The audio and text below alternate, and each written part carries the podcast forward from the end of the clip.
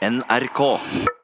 Da har vi kommet frem til det tidspunktet hvor vi som regel på fredager setter i gang eh, ukens fredagspanel, og det skal vi gjøre også i dag. Og da ønsker jeg velkommen fra studio i Kristiansand, Torbjørn Urfjell, direktør for eh, kultur, frivillighet og innbyggerdialog i Kristiansand kommune. God morgen. Og så ønsker jeg velkommen eh, Tone Sofie Aglen, kommentator i VG, for tiden på plass i vårt studio i Trondheim. God morgen. Og her i studio, Knut Olav Åmås, eh, direktør i stiftelsen Fritt Ord. Velkommen du òg. God morgen. Vi setter i gang med spørsmål nummer én. For denne uken så hørte vi jo at partiet SV mener regjeringen gir fra seg styringen av kulturmillioner. Årsaken er den såkalte gaveforsterkningsordningen, som virker sånn at når privatpersoner gir gaver til kulturen, så forplikter staten seg til å gi en fjerdedel av gavebeløpet. Så spørsmålet vårt i dag er når rikinger som f.eks. Trond Moen donerer store summer til kulturlivet, og staten må følge opp, har de da fått for stor makt over kulturlivet? Vi kan begynne i eh, Trondheim. Nei. Kristiansand. Ja. Nei, det hadde ikke. Ja, vi er litt spent på hva Åmås sier her, fordi han har jo vært og puslet med dette som statssekretær i sin tid. Men la oss begynne i Kristiansand, Urfjell. ja. Ja, dette er jo et klassisk eh, høyre-venstre-spørsmål, og alle vi tre som er i panelet i har jeg merka meg har eh, erfaring fra politikken. Eh, og Da må vi passe oss litt for å bli politikere, men jeg syns jo at det som er hovedproblemet med gaveforsterkningsordninga sånn som den fungerer nå, det er jo det at i iveren etter å få flere private penger inn i i kulturen, så legger en i potten òg for mye av det offentlige pengebruken. Rett og slett at uh, I tillegg til å kunne gi, uh, gi gaver, så påvirker en uh, åssen og, og, og, de offentlige pengene skal gå til. Og Jeg tror det hadde vært bedre og bedre høyrepolitikk å heller gi mer skattelette for de pengene som private givere gir, enn at de skal påvirke de offentlige budsjettene. Er det din holdning også, Aglen? Eh, nei, jeg mener at det er grunnleggende positivt. Selvfølgelig får private litt mer makt, men jeg tror det er sunt at man får flere private givere inn. At man får mer mangfold. Jeg klarer ikke helt å se at, eh, at private påvirker er eh, mye verre enn at staten eller det offentlige skal ha ansvar for alt av kunst. Selvfølgelig er det noen innvendinger, og det kan hende at Torbjørn har noen poeng med hvordan det her skal utformes, men jeg syns ikke at det er problematisk. Knut Olav Åmås, eh, hvor mye av denne ordningen har ditt fingeravtrykk på?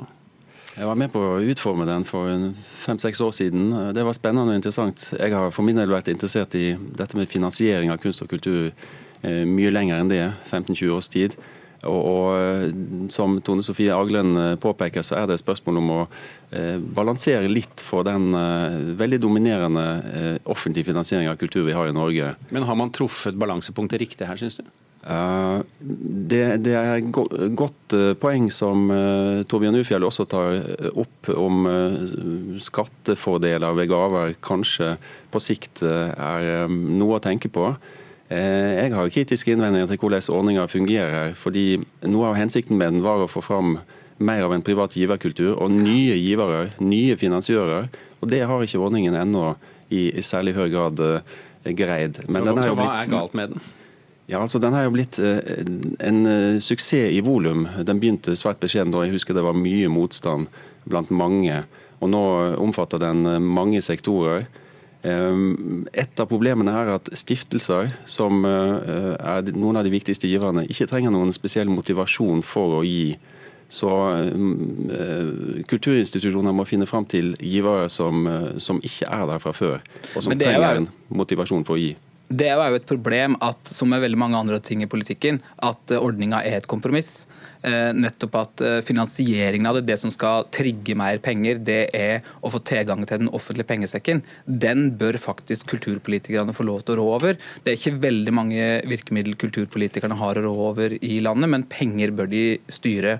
Eh, og Da er kompromisset for at for å, når ikke det er vilje til å gjøre noe med skattesystemene, som høyresida burde være villig til å gjøre, så de heller, har de heller gyvd løs på budsjettene. Kommentar jeg, jeg syns at eh, du Urfjell eh, politiserer dette litt for mye. For også på den brede venstresida i norsk politikk eh, har skepsisen til privat finansiering av kultur blitt mye mindre de siste ti årene.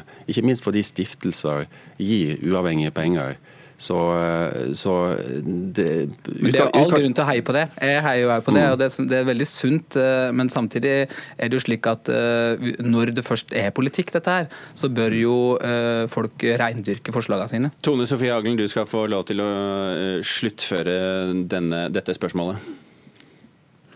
Nei, jeg tror at uh, den er helt sikkert ikke perfekt, den ordninga. Jeg tror uh, det kanskje bare er starten, men at vi i Norge har en litt sånn holdning at det, det er noe litt sånn suspekt med private givere. Jeg syns den Fredriksen-søstrene-reaksjonene uh, er et veldig godt eksempel på det. Og at man får et litt sånn kulturskifte hvor også flere bidrar inn i kulturfeltet, tror jeg er positivt. Mm. Mm. Der er det sikkert mange som har lyst til å si mer om dette, både Urfjell og Åmås, men jeg setter strek der, fordi vi har nemlig flere spørsmål.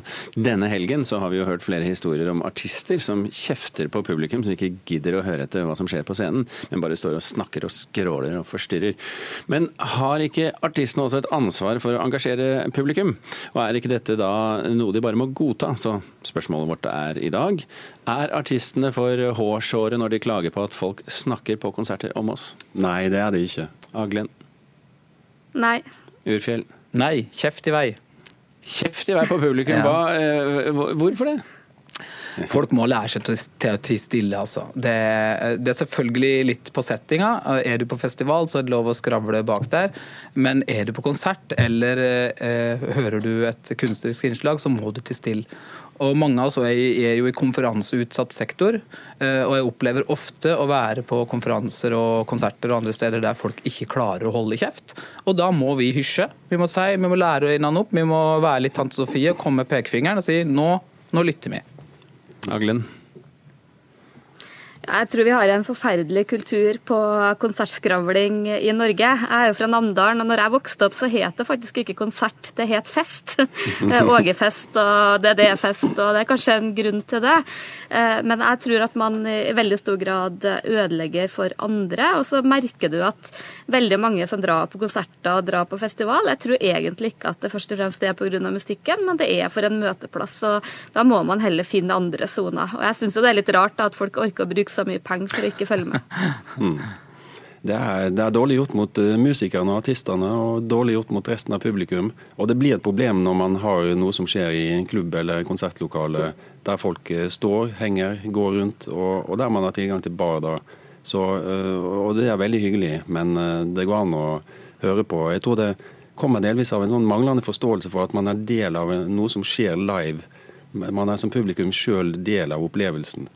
Eh, det, det, mangler vi en forståelse for i dag. Hvorfor det? Jeg vet ikke. Vi, eh, det, det, slår meg av og til på, på teater og, og, andre konserter også at eh, spesielt en del yngre mennesker tror at det som skjer framme på scenen er noe som de ikke er del av, og som musikerne eller skuespillerne ikke hører. Det er noe med at vi i vår virtuelle, digitale tid Eh, er vant til å observere. Eh, vi, vi blir ikke lenger eh, bevisst på at vi er del av opplevelsen, og hvordan den blir faktisk, med lyd og, og, og stemning. Men dessverre er ikke godt voksne bedre enn de unge, altså. Nei, er, jeg skulle til å si det er ungdommen sin feil, men altså ikke urfilm. Nei, jeg syns at det som jeg nevnte disse konferansene, det er kanskje meg det konsertmarkedet for, eh, for, mange av oss eh, godt voksne, da, eller vi som blir når blir voksne. Jeg, jeg, lærte nytt, jeg, lærte et nytt ord her. Konferanseutsatt sektor. Det, har jeg notert meg, det, det var gøyalt. Eh, men vi hopper til neste spørsmål. Bare 5% av unge mellom 15 og 25 år velger kino oftest når de skal se film, ifølge en undersøkelse. Resten ser film eller TV-serier via TV-en eller nettbrettet hjemme i sofaen. Og ifølge SSBs Norsk kulturbarometer så har andelen nordmenn som har gått på kino økt jevnt og trutt fra 1990-tallet frem til i dag.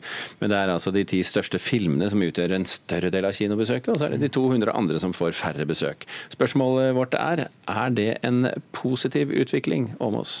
Nei. Urfjell? Nei. Aglen? Nei. Du trakk, trakk litt på det, Aglen? Ja, jeg syns ikke det er en positiv utvikling, men jeg syns jo heller ikke at det er en uh, kjempealvorlig utvikling. Og jeg syns heller ikke at det er så fryktelig rart, for jeg ser jo hvordan vi har endra både våre uh, TV-vaner, filmvaner. Jeg så bare når jeg reiste til Trondheim i går, på flyet og rundt meg overalt, så sitter jo folk og ser uh, filmer og serier på mobil, der vi likte å se det på TV-en eller på kino. Men jeg tror nok også at før så var liksom kino plassen man for, og man så liksom er det en film som går, så går vi på kino. Vi bestemmer oss. I dag så tror jeg det er eh, trekkplasterne som gjør at folk fer på kino. Men er det et problem at folk ser færre filmer på kino, og flere ser de, de samme filmene, syns du? Jeg syns ikke det for mangfoldet at det er bra at det er eh, mindre variasjon i hva folk ser, men jeg syns ikke at det er noe rart når du ser hvordan medievanene utvikler seg. Mm, om oss. Nei, altså Mainstream kino er blitt mer og mer kommersiell. Jeg går sjeldnere og sjeldnere på kino fordi sjelden er noe som er interessant. Så kinoen som brei uh, kulturinstitusjon med både høy kvalitet og stor bredde har gått litt tapt. Men samtidig har vi bl.a. her i Oslo fått uh, nye kinoscener som Kunstnernes hus og Vega Scene, så det differensierer seg da.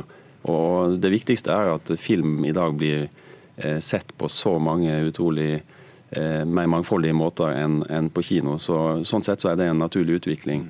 Og litt overraskende at kinobesøket faktisk øker, tross alt. Selv om det da er Eh, større og, og mer kommersielle filmer. Ikke, det er fordi du ikke går og ser Avengers-filmene. Det er derfor du ikke skjønner det. Urfjell? Hovedutfordringa med dette mangfoldet er jo det at det faktisk samtidig fører til forflatning. Altså Man skulle jo tro at i dette algoritmestyrte samfunnet så ble det et vel, og alle fikk se masse ting de ikke visste at de ville se. Men så er det en sånn vinneren tar alt uh, kultur som bygger seg opp. fordi at den, den markedstrenden og den uh, faktoren der, den muskelen der, den slår så mye tyngre inn enn mangfoldsmuskelen. Og da tror jeg at vi trenger mer veiledning, eller kuratering som det heter på kulturspråket. Og rett og slett eh, hjelpe målgruppene å finne sin film. For det skapa så utrolig mye god film som burde blitt sett, eh, i stedet for at eh, enda flere skal se de samme filmene som egentlig ikke trengs å ses. Du er kulturdirektør, men politikeren fornekter seg ikke her? Nei, ærlig, ja, de har jo, er jo, er jo kino. ærlig talt, for en formyndersk og gammeldags holdning. Nei, det, folk, ja, men, eh, nå, ja. nå, er du ferdig. Mm. Folk greier å finne fram til uh, filmene selv. og F.eks. dokumentarsjangeren, dokumentarfilmen, er ekstremt viktig i dag. Men den har masse publikum på, på TV og, og, på avisenes nettsider. Så det er ikke noe problem med mangfoldet. Det har bare spredt seg på flere plattformer. Tone Sofie Aglen, føler du at jeg har oversett deg nå? Du, har du sagt det du skal si?